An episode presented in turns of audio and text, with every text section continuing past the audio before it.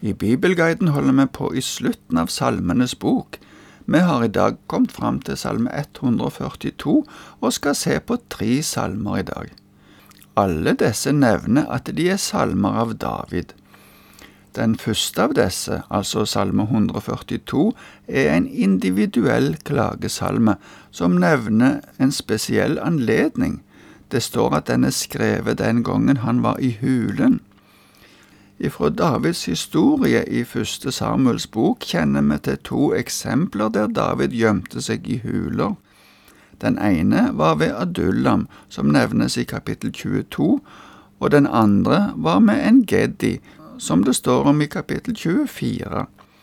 Det kan hende at denne salmen henviser til den første av disse.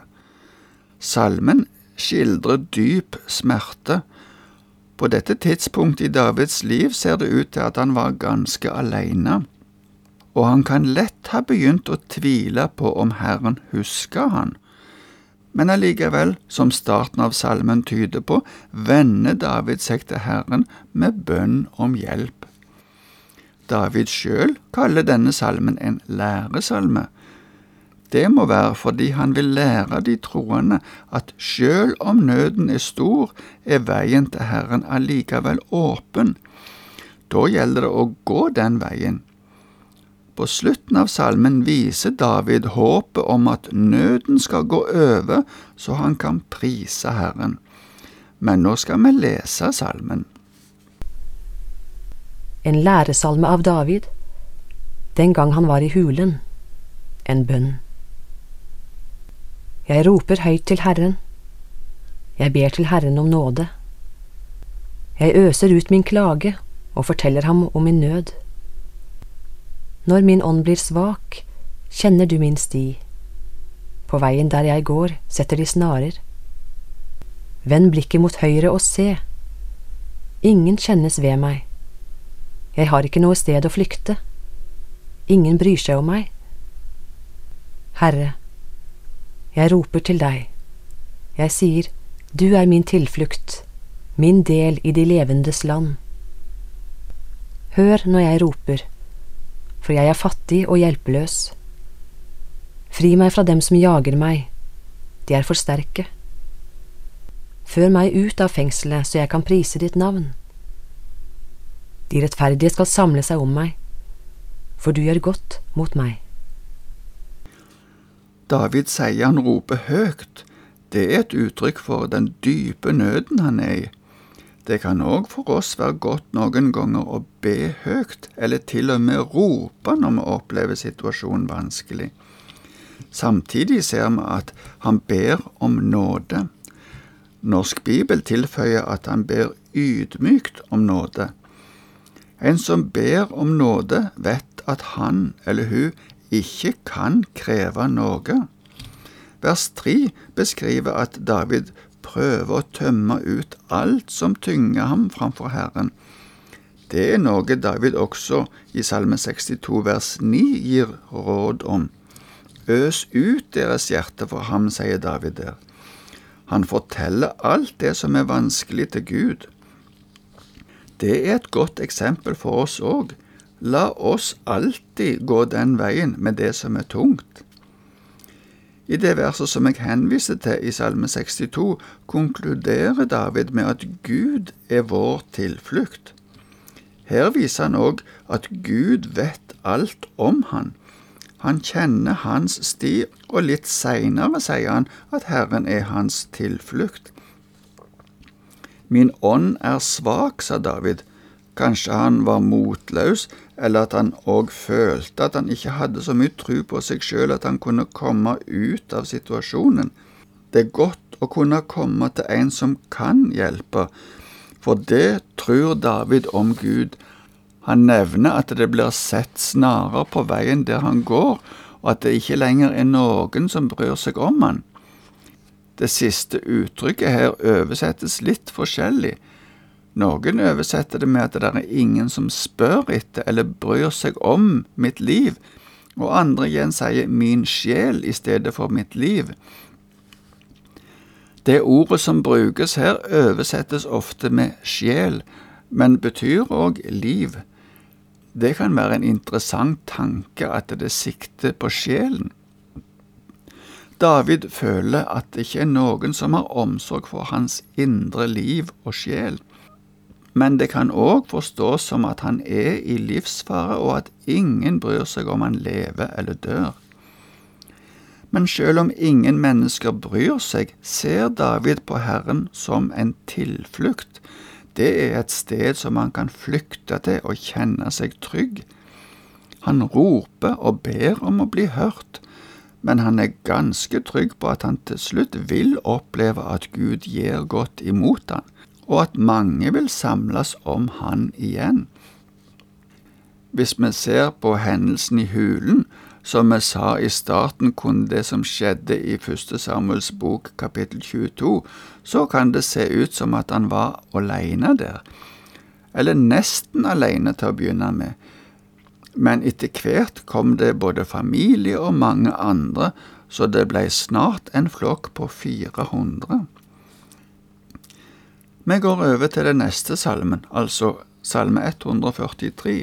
Det er òg en individuell klagesalme av David. Den kan minne om salme 6. Fra gammelt av ble denne salmen regnet som en av de sju botssalmene. La oss lese Salme 143. En salme av David. Herre, hør min bønn, vend øret til mitt rop om nåde. Svar meg, du som er trofast og rettferdig. Gå ikke i rette med din tjener, for ingen som lever er rettferdig for deg. Fienden har jaget meg, slått meg til jorden han har satt meg i stummende mørke, lik dem som er døde for lenge siden. Livsånden sluknet i meg, hjertet ble lammet av skrekk. Jeg minnes gamle dager, jeg tenker på hele ditt verk, grunner på det dine hender har gjort. Jeg rekker hendene ut mot deg, lengter etter deg som tørstende jord. Sela. Skynd deg å svare meg, Herre min ånd går til grunne. Skjul ikke ansiktet for meg, ellers blir jeg lik dem som går i graven. La meg høre om din miskunn om morgenen, jeg setter min lit til deg. Lær meg den veien jeg skal gå, for jeg løfter min sjel til deg. Fri meg fra mine fiender, Herre, hos deg søker jeg ly. Lær meg å gjøre din vilje, for du er min Gud. La din gode ånd lede meg på jevn grunn. For ditt navns skyld, Herre, hold meg i live. Du som er rettferdig, før meg ut av trengsel. Du som viser miskunn, utrydd mine fiender, og gjør ende på alle som står imot meg. For jeg er din tjener. David ber om nåde han er klar over at han ikke er rettferdig for Gud, men ber om at Gud allikevel ikke må gå i rette med han. Det er mulig at denne salmen stammer ifra tida da han ble forfulgt av Absalom. I salmene fra denne tida viser David at han er klar over at han ikke er rettferdig, og derfor ber han om nåde. I tida som han ble forfulgt av Saul, stolte han mer på sin egen rettferdighet men vi ser allikevel ikke noe konkret bekjennelse av synd her, slik som vi ser f.eks. i Salme 32 og 38. David kjenner på et indre mørke. Det er flere eksempler i Bibelen der mørket som en kjenner på når det er vanskelig, blir sammenlignet med døden, de som er i gravene.